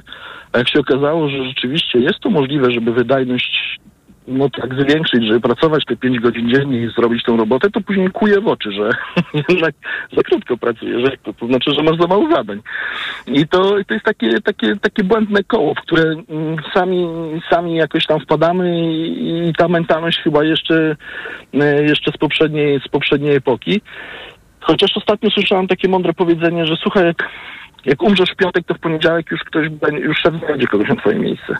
E, więc... E, no i to, to jest chyba taka gorzka prawda, że jednak my się jakoś tam zabijamy w tym, że jesteśmy niezastępowani i, e, i nie da się jesteśmy ludźmi, którzy, tak jak się mówi, że jest człowiek niezastąpiony, nie ma ludzi niezastąpionych. I, i to jest chyba takie, tak, taka gorzka prawda, którą trzeba sobie wbić do głowy. Ja próbuję od jakiegoś czasu, ale na razie jest ciężko z tym. A pracuje pan po 8 godzin dziennie, czy dłużej? Dłużej, zdecydowanie. Wpływa to jakoś na pana życie prywatne? E, oczywiście, że tak. Oczywiście, że tak, bo to, to, to, to nie jest, nie, nie da się, nie wiem, mieć jakichś znajomych gdzieś, e, zaplanować jakieś wyjścia, jakieś e, chociażby mm, weekendowe m, e, rzeczy, bo zawsze jeszcze, a no to weekend jeszcze sobie posiedzę, a dobra, to weekend jeszcze sobie to zrobię. Mm, I to jest taki, no taki, nie wiem, czy to nazwać pracoholizmem, czy, czy głupotą po prostu zwykłą, ale, ale tak jest. Rzeczywiście, że to wpływa na, na życie prywatne na, na, na pewno. A jest pan e, szczęśliwy z takiego stanu rzeczy, że tak to wygląda teraz, jak e, pan opisuje? Czy chciałby pan, żeby coś się jednak zmieniło? Nie, to jest e, permanentne dążenie do zmiany. Tutaj myślę, że, że ten chyba, znaczy nie znam osoby, która by pracowała jakoś tam dużo godzin i, i mogłaby powiedzieć, że jest szczęśliwa z tego tytułu. Raczej to jest takie błędne koło, w które, które gdzieś tam wpadłem i próbuję się z niego uwolnić, ale, no ale zawsze jest coś, zawsze, zawsze jest jakiś tam, że a może jeszcze to, a może jeszcze, jeszcze coś zrobię. E, Dochodzę do wniosku już coraz częściej, że e, że tego mało, mało jest ludzi, którzy potrafią coś takiego docenić, mało jest szefów, którzy potrafią to docenić i mm, no i nie warto, bo rzeczywiście jednak życie przecieka prze, przez palce, a, a robota i tak, i tak będzie zrobiona, i tak się zrobi. Nawet jeżeli, jeżeli nie wiem, odpuścimy i posiedzimy rzeczywiście te 8 godzin, czy nawet e, od czasu do czasu, nie wiem, po 6, po, po, po- po 7 godzin, no ale zrobimy tę robotę, to, to, to no, i tak jest zrobiona. Nie trzeba siedzieć, nie wiem, 10 czy 12 godzin, więc próbuję to sobie zbić do głowy i próbuję rzeczywiście od czasu do czasu się na tym łapać e, i, i wejść w ten drugi nawyk, że jednak e, nie ilość, a, a jakość i wydajność. A na co poświęciłby pan czas, gdyby tego czasu nie spędzał tyle w pracy? Wie pani co, taką dużą e, przy łóżku, dużą taką stertę książek, chyba nie wiem, z 15 pozaczynanych, żadna nie jest skończona. I to też jest taki, taki właśnie ból. E, lista, lista jakichś, nie wiem, rzeczy do obejrzenia, ciekawych dokumentów, innych takich historii. Tego jest naprawdę ogrom, które, na które po prostu najzwyczajniej w świecie później nie mam siły, a, bo, bo już mi się nie chce po, po, po tylu godzinach pracy i, i, już. A miałbym na co prze- przeznaczyć na pewno. I tak właśnie e, małymi kluczkami próbuję. No to chyba nie e, nic innego e, nie możemy zrobić, e, tylko trzymać kciuki, żeby jednak panu się udało powoli te zmiany wprowadzać e, w życie i żeby te książki po kolei, żeby ta, ta ich liczba na półce e, malała, jeżeli chodzi o te nieprzeczytane. Dołączam się i trzymam za wszystkich w, mojej, w, podobnej, w podobnej sytuacji, bo znam dużo takich ludzi i, i też trzymam za nich kciuki, żebyśmy w końcu wszyscy kiedyś zmądrzeli. Panie Arkadiuszu, wszystkiego dobrego. Był z nami pan Arkadiusz z Gdańska, a Dziękuję na bardzo. adres mikrofon małpatok.fm napisała pani Magda i napisała tak. Witam. Skrócenie czasu pracy plus zadowolenie z wynagrodzenia myślę, że dotyczy tylko osób pracujących umysłowo. Pracownicy fizycznie, aby zarobić jakiekolwiek pieniądze pozwalające się utrzymać, muszą pracować po 10 lub 12 godzin. Jestem teraz pracownikiem, który pracuje po 8 godzin, bo znalazłam taką pracę. Natomiast przez dwa lata pracowałam fizycznie i w takich miejscach, gdzie liczona jest wydajność, na przykład przerobionych zamówień internetowych. Nikogo nie obchodziło moje zadowolenie i work-life work -life balance, napisała pani Magda. 22 44 044 to jest ten numer telefonu, pod który Państwo mogą dzwonić, żeby podzielić się swoimi doświadczeniami i opinią na temat tego, czy pracowali Państwo zbyt dużo, a może wciąż tyle pracują, a może właśnie wcale tak nie jest i mają Państwo również czas na inne rzeczy, bo nie tylko samą pracą człowiek żyje. Teraz łączymy się z Krakowem, gdzie jest Pani Anna. Dobry wieczór. E, Dobry wieczór. E, Ja chciałabym powiedzieć e, o czymś takim, że praca często może być misją, pasją, dążeniem do władzy. No bardzo dużo rozmaitych innych wątków pojawia się wówczas, kiedy człowiek wykonuje, wykonuje jakąś pracę. Wówczas, kiedy czegoś chce, prawda, do czegoś dąży. Ta praca jest częścią jego drogi życiowej, e, może chcieć zmienić świat, e, może chcieć e, dokonać jakiegoś wielkiego odkrycia. Jest artystą, jest człowiekiem, który pracuje z ludźmi, który pracuje ze zwierzętami, którymi chce się opiekować. Także bardzo często do tej pracy włączają się zupełnie inne wątki, tak? Nie tylko kwestie Czy- zarobkowe, tak? Nie tylko, nie tylko. I że człowiek pracuje, y, pracuje, to znaczy się y, y, wówczas, kiedy jeszcze przy okazji dostaje za to jakieś tam pieniądze, to robi to, czego chce, prawda? To, co uważa za jakąś słuszną drogę do tego, żeby zmienić świat na lepsze w jakimś minimalnym chociażby stopniu, tak? I to jest szczęście mieć taką pracę. E, Bardzo wielu ludzi pracuje z ludźmi, tak? E, To są lekarze, to są prawnicy, e, to są nauczyciele, e, to są psycholożki i psychologowie. To jest bardzo, bardzo ciekawa praca, bardzo ważna praca. I ona daje dodatkowe, że tak, że tak powiem, korzyści. Gdyby ktoś kogoś za głowę wyrwał z takiej pracy i zasadził w korporacji, to by, myślę, to byłoby straszne nieszczęście dla tego człowieka. E, czyli, czyli no jest taka jak gdyby różnica pomiędzy tym, czy pracujemy tylko po to, e, żeby zarobić i żeby jakoś zapewnić byt e, sobie i swoim bliskim i żeby uzyskać jakąś pozycję społeczną, tak? I pokazywać ludziom naokoło, kim, że to ja nie jestem.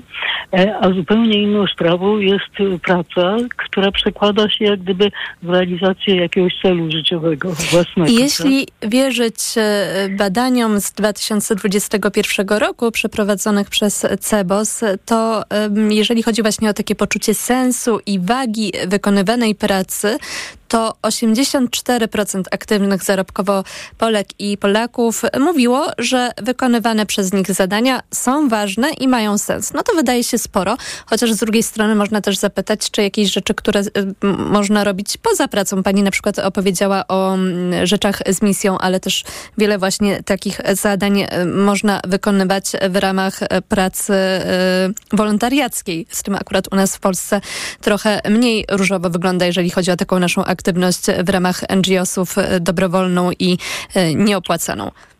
No, ale e, też jest coś takiego, że jeżeli e, człowiek pracuje w takim, że tak powiem, zawodzie z misją, e, to zdarza się, że spotyka ludzi takich, którzy też pracują e, w związku z tym, że realizują jakiś swój własny życiowy plan, pragną jakiejś zmiany, chcą czegoś dokonać, tak? E, I wówczas w tym miejscu pracy, e, czy w jakiejś takiej szerszej, że tak powiem, przestrzeni, e, gdzie ta praca się odbywa, dochodzi do zupełnie innych relacji pomiędzy ludźmi. To nie powinny być, chociaż czasami się zdarzają relacje władzy, podporządkowania wymogów takich czy innych formalnych, tylko taką ideą, która temu towarzyszy, jest przyjaźń, równość, współpraca, budowanie wspólnie jakiejś zmiany. E, Także tutaj również się zamazuje jak gdyby e, ta granica pomiędzy światem e, własnym, światem prywatnym, światem rodzinnym, światem przyjaciół, a tym, co się dzieje w tej robocie. To proszę jeszcze uchylić rąbka tajemnicy, jeżeli oczywiście jest Pani skłonna i powiedzieć, jak to wyglądało w Pani przypadku, to znaczy, czy Pani jest zadowolona z tego, ile czasu poświęcała, e, czy też poświęca na pracę, czy jednak, e, gdy patrzy Pani teraz na swoje doświadczenia, to mogłoby to trochę inaczej wyglądać? No, znaczy tutaj y, rzeczywiście mam pewne obawy, żeby odsłaniać rozmaite zaułki tego mojego życia, ale na pewno uważam, że ono miało sens, prawda? E, A także mam nadzieję, e, że e, chociaż zaniedbywałam swoich obowiązków takich czy owakich e, w stosunku do najbliższych sobie osób, to jednak skończyło się dobrze. Tak, opatrzność nade mną czuwała albo jakieś inne siły. Pani Anno, bardzo dziękujemy za to, że Pani do nas zadzwoniła i podzieliła się swoją opinią. Była z nami Pani Anna z Krakowa, a teraz e, przenosimy się do Kolbuszowej, gdzie jest Pan Robert. Dobry, dobry wieczór. Dobry wieczór.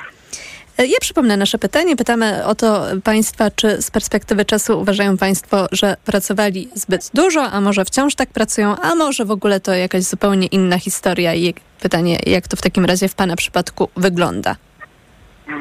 Ja pracowałem e, no, 20 lat temu, ponad 20 parę lat temu, dosyć dużo. E, Nie żałuję tego, no bo jakieś e, były kwestie, no głównie finansowe i rozwój, ro, e, rozwój firmy, prawda? I, I gdybym miał to jeszcze raz robić, zrobiłbym to bez zastanowienia. A, I nie uważam, że w Polsce ludzie naprawdę dużo e, e, pracują z tego względu. E, firmę swoją zaczęła działać ponad 20 lat temu. Bezrobocie było w Polsce ogólnie, ogólnie, e, ogólnie 19, prawie 20%. E, Kolbuszowa, Podkarpacie, mała miejscowość. E, bezrobocie większe. Nigdy nie widziałem kogoś, żeby pracował dłużej jak 8 godzin. Nawet, nawet w państwowych firmach to było 8 godzin, pakujemy się, idziemy do domu. Mm, Takie bynajmniej ja też nigdy nikogo nie zmuszałem, żeby pracował dłużej jak 8 godzin, prawda? No Rozumiem, mamy- chociaż z danych, e, z danych choćby Eurostatu z ubiegłego roku przeciętny Polak zatrudniony na pełen etat spędził w pracy 41,3 godziny tygodniowo. No i generalnie, jeżeli sobie popatrzymy na to, jak wypadamy na, tle innych krajów Unii Europejskiej, to w Polsce pracuje się, no jest, Polska jest jednym z tych krajów, w których pracuje się najdłużej. Ale proszę powiedzieć, bo powiedział pan, że te 20 lat temu pracował bardzo dużo. Czy coś się zmieniło i teraz pan poświęca na pracę? Nie, nie, nie, że... Y, y, Ja zawsze się śmieję, że w domu nawet jak, śnie, jak śpię, to też pracuję, bo śnię o filmie, prawda? E, ale tutaj żartobliwie, e, my część obowiązków wykonuję w pracy, to jest jakieś odpowiedziane na, e, odpowiedz- odpowiedzenie na, na maile. E, nie jest jakieś takie, że to zajmuje mi całe życie. No, staram się pracować 8, 8 godzin, trochę tam w domu, pół godziny, godzinę, czasami zależy, prawda, od sytuacji. E, Jeszcze chciałbym e, nawiązać do, do 35-godzinowego tygodnia pracy. E, Ja rozumiem, w niektórych branżach to jest e, wykonalne, bez, bez, moim zdaniem bez najmniejszego problemu, ale no w niektórych branżach produkcyjnych po prostu proces e, produkcyjny na to nie pozwoli. Bo niektórych procesów nie można przyspieszyć. Nawet same upieczenie chleba będzie trwało powiedzmy 30 minut, nie skróci się go do 20 minut, prawda? I moim zdaniem to jest e, te tygodniowy, 35-tygodniowy e, e, godzin pracy w tygodniu jest nierealny, bo możemy to oczywiście zrobić, tylko tak, brakuje nam chętnych rąk do pracy w Polsce, prawda? No i plus, e, czy, czy ile, ile po prostu dobra e, zdrożeją. Tego nikt, nikt nie, nie mówi, no bo jak e, mniej więcej jak przeliczyłem, to jest około e, 20, 40, 30 ileś tam prawie 40 dni pracy mniej by było w roku. Licząc 35-tygodniowy plus dodatkowy urlop. To Dlatego już pewnie takie wyliczenia to już e, myślę, że temat na oddzielną audycję, gdzie można by Tak, było jeszcze porozmawiać. z- Można by było uświadomić, że po prostu e, jeszcze będziemy mieli większą inflację, e, po prostu ludzi będzie mniej stać na zakup nawet żywności, bo to też by ceny pójdą do góry. Myślę, że to bardziej tutaj kwestia jakiegoś postulatu i kierunku, w którym można by było iść jako społeczeństwo, ale oczywiście kwestia dostosowania tego do e, warunków e, gospodarczych, tak jak nawet nasza gościni na początku audycji mówiła, to jest e, inny temat i trzeba oczywiście brać aktualną sytuację pod uwagę, ale my dzisiaj właśnie pytamy bardziej o Państwa doświadczenia, o to, jak Państwo oceniają swoje doświadczenia zawodowe z perspektywy czasu i czy e, nie e, żałują, tak jak e, Włodzimierz Czerzasty, że na pracę tego czasu poświęcali dużo. Z Pana historii wiemy, że Pan tak nie uważa i jest Pan zadowolony ze swojego mógł mieć życia e, zawodowego. efekt tej pracy mógł być inny. No, każdy to tak nie można ocenić, że każdy będzie zadowolony, albo nie będzie zadowolony, albo że to była po prostu głupota, że ktoś był głupi, że pracował. No, no nie jest tak do końca, prawda? To jest, wszystko to jest e, indywidualne, a każdego, każdego człowieka i, i jeden będzie sobie żałował, drugi powie, że no po prostu były to może jego dobre lata życia, prawda? Panie Robercie, bardzo dziękujemy. Był z nami pan Ja Robert dziękuję. z Kolbuszowej i ostatni telefon e, przed nami. Łączymy się teraz z Gorzowem i łączymy się z panią Magdą. Dobry wieczór. Dobry wieczór. Pani Magdo, jak w pani przypadku e, wygląda kwestia poświęcania czasu na pracę? Albo jak wyglądała też, bo również o to pytamy, o takie doświadczenia z przeszłości. Jest taka książka, w której, e, tak na koniec e, powiem, e, jest taka książka, w której pielęgniarka zajmująca się osobami chorymi, odchodzącymi, rozmawiała z nimi, pytała się o ich doświadczenia, przemyślenia i o to, czego najbardziej żałują. I tam właśnie ten wątek, że się poświęcało, to przede wszystkim dotyczyło mężczyzn, że się poświęcało zbyt dużo czasu na pracę, a zbyt mało czasu dla rodziny, często się przewijał. E, No i pytanie właśnie, jak e, w pani przypadku to wygląda? Mhm. E, Ja 18 lat pracowałam w handlu e, i e, pracowałam bardzo dużo. E, I też e, chciałam to połączyć e, z wypowiedzią eksperta, ekspertki, przepraszam, e, bo tutaj słyszę właśnie o optymalizacji, o podniesieniu wydajności, ale jakoś nie słyszę takiego aspektu społecznego, który jest niesamowicie ważny i wpisany w e, pracę. E, I to mnie martwi. Mianowicie, że, co pani ma na myśli?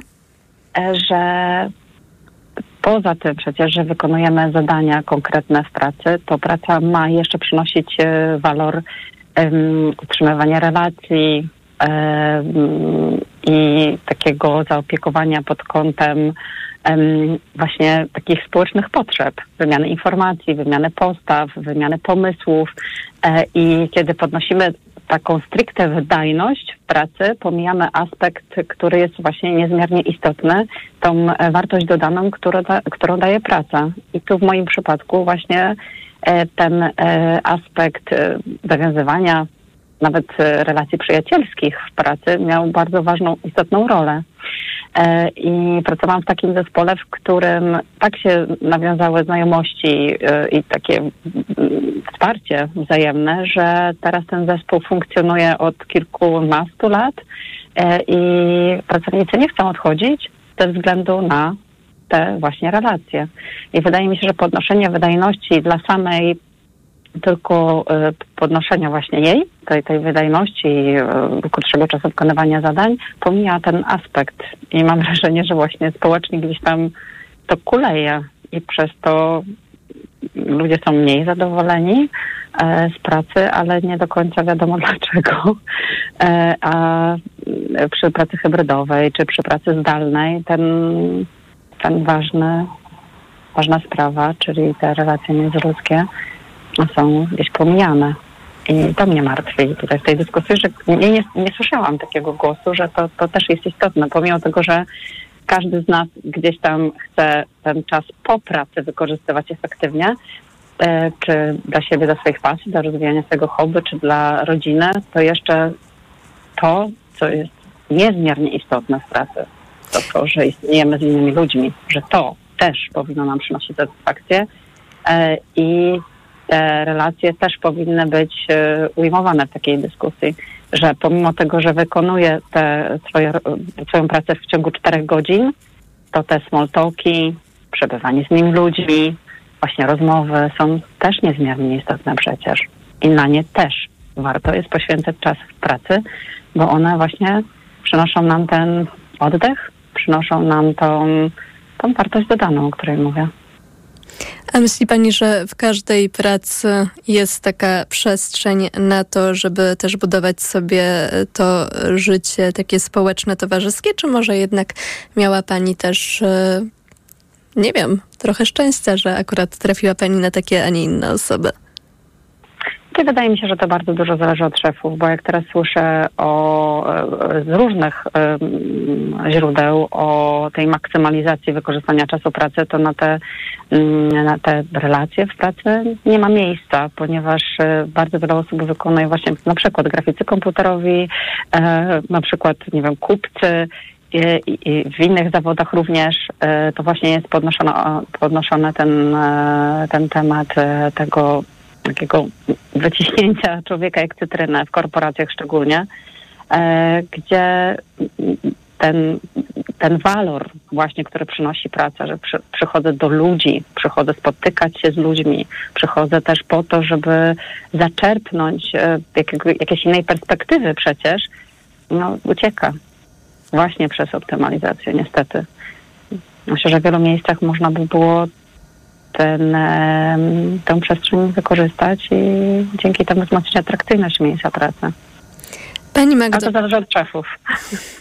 Bardzo dziękujemy za to, że Pani do nas zadzwoniła i za ten głos, głos, w którym nasza słuchaczka podkreśliła jeszcze jeden aspekt pracy rolę, jaką może pełnić i wpływać także na taką satysfakcję zarówno z życia zawodowego, jak i w ogóle życia, bo relacje są tym czymś, co na jakość życia wpływa.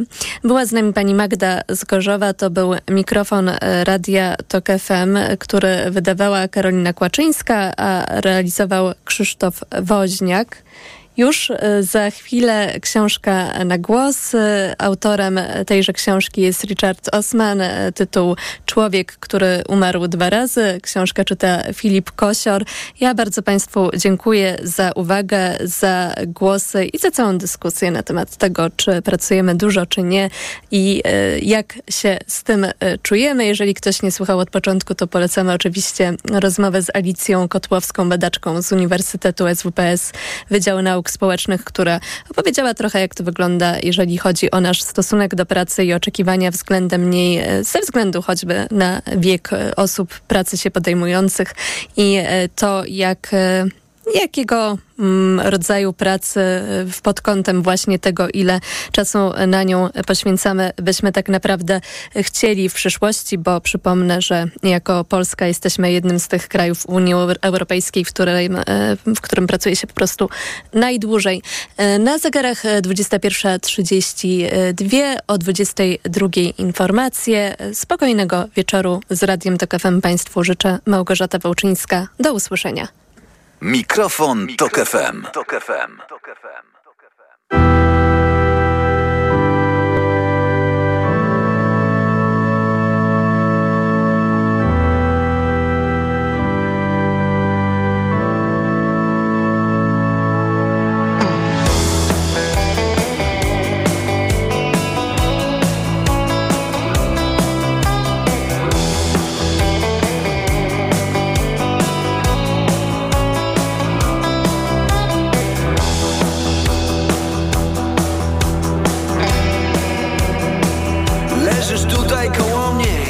Taka zmęczona, leżę tuż koło ciebie.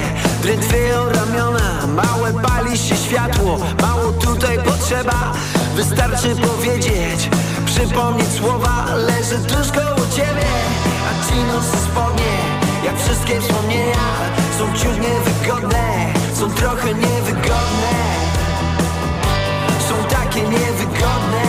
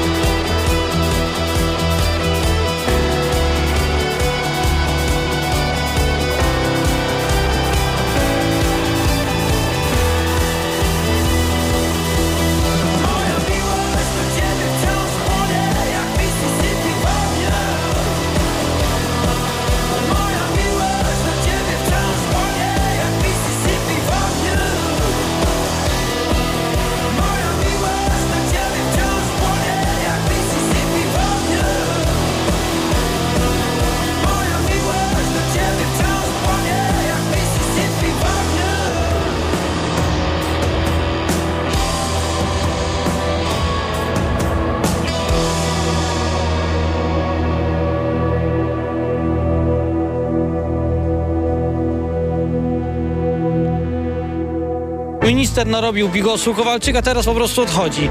I jeszcze w jakim stylu? Mówi, że przez Unię Europejską, zamiast powiedzieć prost, że nie dał rady w tej sytuacji podołać i jest y, tej sytuacji winny i odchodzi. Co to dla nas zmienia? Teraz y, kto zostanie ministrem? Nie wiem, kto jest w stanie teraz ten burdel posprzątać. Naprawdę nie wiem. Jeśli ministrem rolnictwa zostanie zdrajca polskiej wsi, a tak określany przez rolników jest pan Robert Telus, rolnicy wywalali obornik e, przed jego biurem poselskim, e, jednoznacznie wyrażając sprzeciw wobec jego nieudolności jako szefa Komisji Rolnictwa w Sejmie, który nie sprzeciwił się piące przeciwko rolnikom. My dbamy o to, żeby pomóc polskiemu rolnikowi, bo jest sprawa tragiczna związana z wojną, sprawa związana z agresorem, którym jest Putin, a wy przez to krzyczenie pomagacie Putinowi.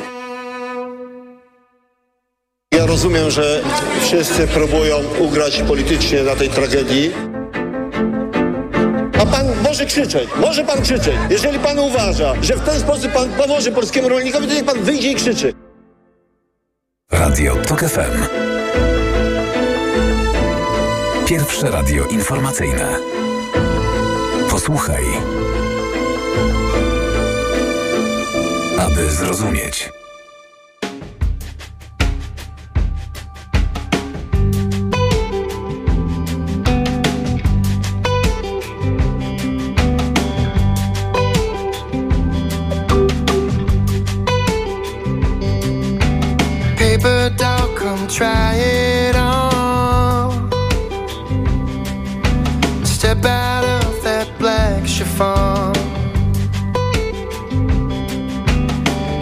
A dress of gold and blue.